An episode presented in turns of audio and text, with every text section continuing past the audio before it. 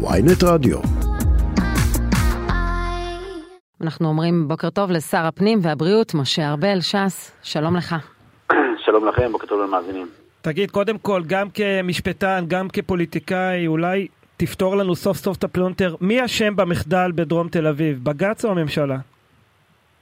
אה, הכל עניין של פוזיציה, ואני לא אובייקטיבי כדי לענות לך בצורה טובה. אתה לא אבל... בפוזיציה, נו תן לנו משהו. לא, אבל אני, אין ספק שהאירוע המתגלגל הזה הוא אירוע שיש uh, uh, אחראים רבים לו, ואני חושב שבאמת אנחנו נצא רגע מהפוזיציה ונסתכל על זה רגע בעין אובייקטיבית, אז יש אחריות משותפת לכולם, גם אם בית המשפט פוסל במשך שלוש פעמים חוקים של הכנסת שעוסקים בנושא הזה.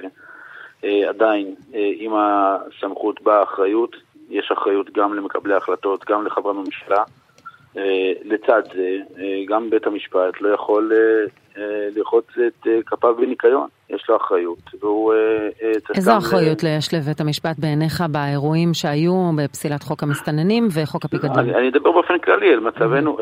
לשמחתי הרבה, מדינת ישראל, בהחלטה אמיצה של ראש הממשלה שהייתה אז...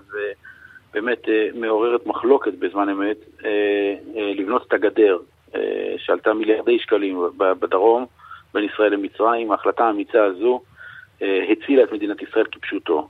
אחרת, במדינות שיש בהן תמ"ג ותל"ג של 2,000 דולר לנפש לשנה, באופן טבעי יש מוטיבציה אדירה להגיע למדינות מתפתחות, והמדינה היחידה שאפשר להגיע אליה, אה, שנחשבת באמת מדינה מתקדמת, מדינה מערבית, אה, זו מדינת ישראל, שיכולים להגיע אליה פשוט ברגל, אה, והגדר בגבול מצרים עצרה, עצרה שטף אדיר של מסתננים. אז אתמול לקחת חלק בדיון החשוב בעניין המסתננים. באילו פתרונות וצעדים אתם עומדים אה, להביא על מנת אה, למנוע, בכל זאת להתמודד עם אותם 17 אלף שנמצאים כאן כרגע, ו- ואין לנו כרגע אמצעים כדי לגרש אותם, אולי יש, אבל תשתף אותנו בצעדים. אז אה, ראשית, קודם כל, אה, בעניינם של אה, אה, המתפרעים. המתפרעים אה, באופן מיידי, בסיכום עם פרקליטות המדינה, יועברו מהמעצר הפלילי שלהם אה, עם סיומו למעצר מינהלי, כאשר המעצר המינהלי לא דורש אה, אה, בעצם את רף הראיות הפליליות, ואנחנו בעצם נפעל כדי לקדם את הגירוש שלהם. לא יכול להיות מצב, מדינה ריבונית לא יכולה להסכים למציאות שבה יש פורעים, שחלקם אגב גם תומכי משטר, שזה אבסורד, הם, הם מגישים מצד אחד בקשה לפליטות, ומנגד, לצד הבקשה לפליטות שהם מגישים, הם טוענים שהם נרדפים במדינתם. Mm-hmm. אה, והם תומכים באותו משטר. המציאות הזו היא מציאות מעוותת. אה, לצד המציאות הזו אנחנו אה, כמובן נפעל לעידוד יציאה מרצון. לשמחתי הרבה, המספרים של יציאה מרצון הם מספרים משביעי, באמת משביעי רצון מבחינתנו. 2,200 יצאו מרצון מתחילת השנה. זה עלה כסף, התקציב של משרד הפנים בנושא הזה נגמר, לשמחתי הרבה התגייס השר וסרלאוף ותרם, אפשר לומר, מתקציב משרדו לרשות האוכלוסין וההגירה 20 מיליון שקלים כדי להשלים השנה שנסיים את 2023 בלמעלה משלושת אלפים יוצאים מרצון. אה, זה פתרון טוב, הוא גם אה, מסדר להם מעמד אל מול המדינות הקולטות, למשל קנדה שקלטה אה, רבים אבל, מאוד. אבל השר ארבל, מה עם הבסיס? אתה דיברת על סמכות ואחריות גם שלכם, הפוליטיקאים, הממשלה. אתה כשר פנים, אולי החטא הקדמון זה שלא דנים ולא דנו בבקשות המקלט שלהם. וכך נוצר מצב שיש פה 18 אלף, שאתה לא יודע מי הוא באמת פליט, ומי הוא איזה מסתנן ושתול של המשטר שם. אולי זה מתחיל בלסנן אותם ולהבדיל ביניהם, ולגרש את מי שמגרש ולקלוט את מי שאפשר לקלוט.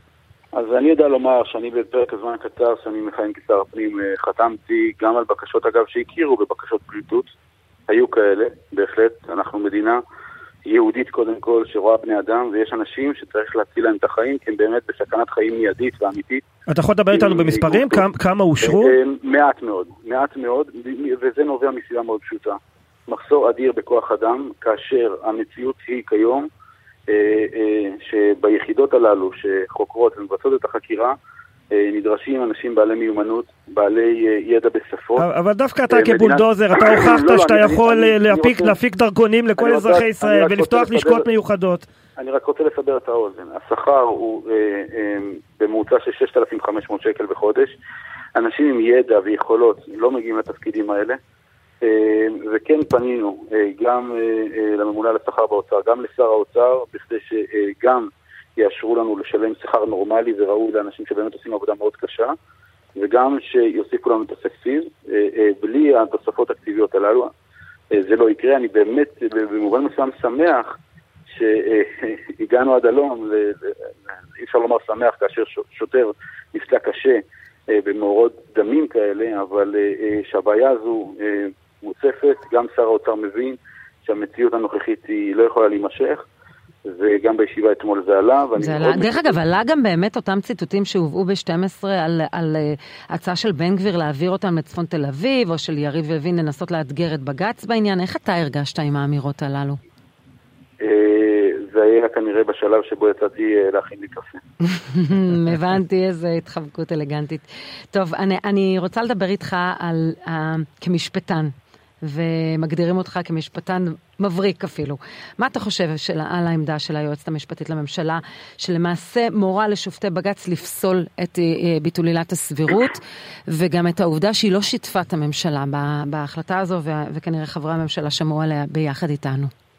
אני uh, מצר על זה מאוד משתי סיבות. קודם כל, בתווך הרגיש מאוד בין אה, ייעוץ משפטי לממשלה, כן, היועצת המשפטית לממשלה בנוסף להיות היועצת המשפטית לממשלה, היא גם אה, נאמן הציבור, אבל בסופו של דבר היא אמורה לייצג את הממשלה על נבחריה, אה, ותמיד יש את הרצו ושוב, את התהליך המורכב הזה בין האינטרס הציבורי, מה שנקרא, לבין האינטרס הציבורי כפי שמשוקף על ידי ממשלה נבחרת, שהציבור בעצם על ידי נבחריו בכנסת בחר באותה ממשלה.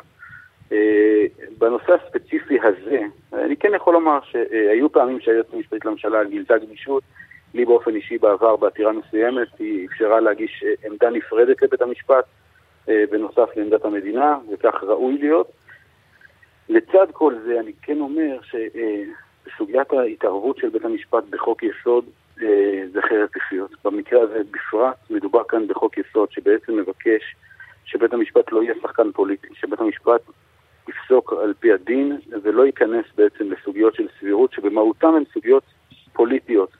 וגם אם הן לטובת צד, צד כזה או צד אחר, בית משפט צריך להיות אה, נקי מהשיקולים הללו.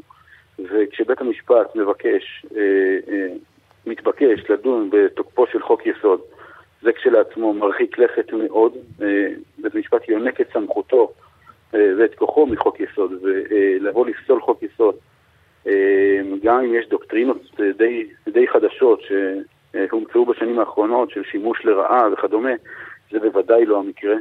אין כאן שימוש לרעה, יש כאן תהליך דמוקרטי, וגם אם יש צד שלא אוהב אותו, התפקיד בדמוקרטיה הוא לעבוד קשה, לשכנע את הציבור, להיבחר ולבטל את מה שהצד הקודם עשה.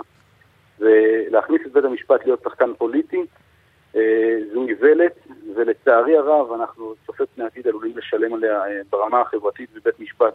במשבר חוקתי? לא, אני חושב 아. אה. שעוד הרבה לפני זה, והרבה יותר חמור מזה, זה בית משפט שאמון הציבור שלו, שאמון הציבור בו מתכרסם. אז אנחנו רואים לפי הנתונים שאמון הציבור בפוליטיקאים הוא אף נמוך משל בית המשפט, אז גם את זה צריך להגיד. אבל באיזשהו מקום, כאשר אתה רואה את ההתעסקות של... אבל היתרון, אני חייב לומר רק משפט אחד, היתרון כן. הגדול בסוגיה הזו, שגם כשיש אמון ציבור נמוך, יש אפשרות לפוליטיקאים להתחלף על ידי בחירת הציבור. בשונה משופטים שאין אופציה כזו. זאת אומרת, הם נשארים שם עד תום כהונתם, ולכן אה, אה, פוליטיקאים משלמים באופן אה, מזומן, אפשר לומר, על החלטות שגויות שהם... אתה תומך במועמדות אלרון לבית המשפט העליון? אני לא חבר ועדה לבחירת שופטים. לא, אני שואלת כאמירה ציבורית. אני חושב שכל אדם שהוא חושב שהוא ראוי, מוזמן להתמודד. אה, הסניוריטי לא כתוב בעשרת הדיברות, וזה בסדר, אם אה, השופט אלון חושב שהוא ראוי ומתאים, אז אה, ועדת, הוועדה אמורה להכריע מי יהיה נשיא בית המשפט העליון. אני באמת חושב אבל שנתנו משקל יתר לתפקיד הזה. בסוף בסוף, כמובן זה תפקיד ייצוגי וחשוב, אבל תפקיד טכני לחלוטין, שאמור בעצם לנתב תיקים אה, ולהכריע אם יש שופט שהוא בניגוד עניינים, איזה שופט יישב בדין. המשקל שנתנו לתפקיד החשוב הזה של נשיא אל מול אה, שופט עליון אחר, הוא אה, משקל יתר, זה לא, זה לא ליבת הדמוקרטיה. בוא נדבר על חוק הגיוס. לסיום, אתמול עוד ישיבה של ראשי המפלגות לא החרדיות. לא לסיום, יש לי עוד שאלה על בריאות ברשותך, כי הוא בכל זאת שר הבריאות. תגיד, כן. זה באמת מתפתח למשבר הפוליטי הגדול ביותר של הממשלה הנוכחית? כי אני שומע קולות בתוך המפלגות החרדיות, שזה מה שעלול לפרק את הממשלה, ואגב, לא רק הפער בין החרדים לבין נתניהו, אלא גם בתוך החרדים עצמם בין ש"ס ליהדות התורה. איפה זה עומד אחרי הישיבה אתמול? אז אני באופן אישי לא חבר בצוות הזה, מי שמייצג את ש"ס מטעמנו זה השר לשעבר אריאל אטיאס, שעושה עבודה נהדרת, הוא גם מונח היטב בפרטים. אבל ממה שאני כן שומע, אני כן יכול לומר שיש תמימות דעים בקואליציה, גם אם זה בנוסח כזה או בנוסח אחר, שהסוגיה הזו חייבת לבוא לפתרון. אנחנו לא יכולים לאפשר לעצמנו שבמדינה יהודית, אדם שבאמת לומד תורה ולא טרמפיסט, ייחשב לעבריין פלילי על הדבר הזה. השר ארבל, אתה, אתה גם למדת תורה ואתה אפילו רב, וגם שירתת בצבא, מה יותר... נכון מאוד, אני, אני עדיין אומר, אני אומר באותה נשימה, שכל מי שמנצל את ההגדרה של תורתו אומנותו והוא טרמפיסט, אין שום מטרה ושום היגיון שנבחרי הציבור החרדי בעצם יגנו עליו, הוא חייב להתגייס לשירות צבאי. אני שמח מאוד שצה"ל גם נמתח עד הקצה ומקיים מסגרות מותאמות לחרדים כדי שהם כן, גם... כן, אבל יש ירידה בכמות במקום עלייה. יש ירידה בכמות. ואיך מרבים את המעגל הזה, את הפער הזה, הפער שנראה בלתי ניתן לגישור בין נתניהו לחרדים בעניין הזה, כשהוא אומר, אני לא יכול לקיים את ההסכם הקואליציוני? תראה, בסופו של דבר, אני לא הייתי נוכח באותן שיחות, אני כן יודע לומר שהדינמיקה של הדברים, יש לה... קצב משלה, ואנחנו נוכל בסופו של דבר להגיע למציאות שבה אה, יהיה מתווה, יהיה מתווה שיאפשר ללומדי התורה להמשיך וללמוד. כולל פסקת התגברות? אני, אני, אני באמת לא נותן לזה משקל. תראי, אנחנו נמצאים במציאות שבה בית המשפט העליון בהרכב מלא דן בתוקפו של חוק יסוד. אז, אז, אז גם אם תעשה פסקת התגברות ובית המשפט יבטל אותה, אז מה עשית בזה? אתה רוצה לקרוא... אנחנו, אנחנו, באירוע, אנחנו באירוע חוקתי אה, אה, מטורלל לגמרי. אתה רוצה אולי לקרוא מכאן לחבריך ביהדות התורה לרדת קצת מהעץ בעניינים האלה כדי לא להגיע למשבר הקואליציוני לא הזה? אני באמת לא יודע מה עמדתם כדי לקרוא להם לרדת מהעץ. אני, אני לא מונח בפרטים, אני לא נמצא בתוך הישיבות, אבל אני בטוח שהם נבונים ואחראים ומנוסים כדי לא לקרוא את העם. חייבים לשאול אותך גם כשר הבריאות שאלה, בתי החולים הממשלתיים במצוקה תקציבית חריפה, האוצר לא משפה אותם על כל ההתייקרויות ופערי התקציב, הם פונים אפילו לראש הממשלה ומבקשים את התערבותו כי הם מדברים על כך שהחולים, אנחנו נשלם את המחיר. עד כמה הבעיה הזו מטופלת? היא בראש סדרי העדיפויות על שולחני, להזכיר לכולם שרק בשבוע שעבר ממשלת ישראל התחייבה לנשיא אוקראינה להמשיך את הביטוחים לפליטים מאוקראינה. באמת, פעולה הומניטרית ראשונה במעלה. לצד זאת, התנגדתי נחרצות לקיצוץ מתקציב משרד הבריאות של 7 מיליון שקלים. לא הייתי מוכן לשאת את זה, כאשר ישנם תקציבים שמחויבים, שמדינת ישראל התחייבה בהסכמים הקואליציוניים שהשר לשעבר הרב אריה דרעי הביא למערכת הבריאות, שעדיין לא הועברו. לשמחתי הרבה הקיצוץ הרוחבי הזה נלקח מכל משרדי הממשלה, כך שמשרד הבריאות ממש נתן סכומים זעומים מאוד.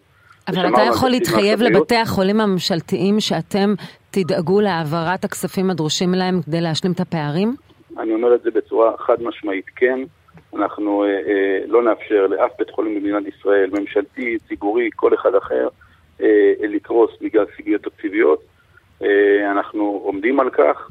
וגם אם זה יכול לקחת מעט זמן, זה ייקח מעט זמן, בשנת הכספים הזו הם יסיימו אותה באופן מאוזן, אני בטוח שכך יהיה. השר ארבל, לסיום, הפעם באמת לסיום, אני השנה בשנת אבל, על אבא שלי, אתה יודע, אז אני מבקר הרבה בבתי כנסת, צריך להגיש, להגיד קדיש. השבוע, במניין שלי, יושב אחד המתפללים ומעשן סיגריה אלקטרונית, בתוך בית הכנסת, לא איזה מניין קורונה בחוץ. איך אתה ממגר את התופעה הזאת? קודם כל, אני מציע לך לחפש בית כנסת אחר, אבל לגופו של עניין, אני מתכוון, ופרסמנו להערות הציבור, ואני מתכוון במושב הקרוב של הכנסת גם להביא חקיקה בנושא. הסוגיה של, בכלל, של העישון בגיל צעיר, גם של סיגריות אלקטרוניות וגם של סיגריות רגילות, היא רעה חולה. יש לנו במדינת ישראל 8,000 הרוגים מנזקי עישון בשנה. ובתפיסת מקרו, בראיית בריאות שמסתכלת על כלל האוכלוסייה, גם אם יהיו כאלה שעדיין ימשיכו ברוב חוצפתם לעשן לך בתוך בית הכנסת, אני בטוח שאנחנו נוכל לצמצם לכל הפחות. ההערכות שלנו במשרד הבריאות זה יותר, אבל אני אומר, גם אם צמצמנו באלף בני אדם בשנה וירדנו לשבעת אלפים הרוגים, אני חושב שזה הישג אדיר. לא, אבל גם מחוץ לבית הכנסת, אתה רוצה להגביל את זה לגיל 21. אני מבקש, אני מבקש. לא, אתה רוצה מצב, אתה רואה מצב שחיילי צה"ל לא יכולים לעשן? אתה יודע, ילד בן 17 אני מבין. חייל בצבא בפינת עישון לא יוכל לעשן מהיום סיגריה אלקטרונית לפי התוכנית שלך? אני uh, uh, מתכוון לזה, אני יודע שזה יהיה מאוד קשה. Uh, יש כאן uh, uh, חברות עם uh, כיסים עמוקים והשקעות ענק של לובינג, אבל אני באמת מסתכל כאן על דבר אחד, על בריאות הציבור וטובת הציבור, ואני בטוח שאם אנחנו יחד נתגייס וננקה רעשי רקע, uh, הדבר הזה הוא uh, מתקיים במדינות מערביות נוספות, הוא נכון, הוא נחוץ, והאתגר הגדול הוא באמת לאפשר לחיילי ישראל לצלוח את השירות הצבאי שלהם, ולא רק חיילי ישראל, בכלל אזרחי ישראל, את השנים הללו של גיל הטיפש עשרה, לצלוח אותו ללא התחלת עישון, ואז הם באמת יהיו עם מספיק כלים להבין את נזקי העישון ואת התופעות הקשות מאוד שהוא מביא, ויוכלו פשוט להישאר בחיים. שר הפנים והבריאות משה ארבל מש"ס, תודה, בוקר טוב. תודה רבה לך. תודה לכם, שלום שלום.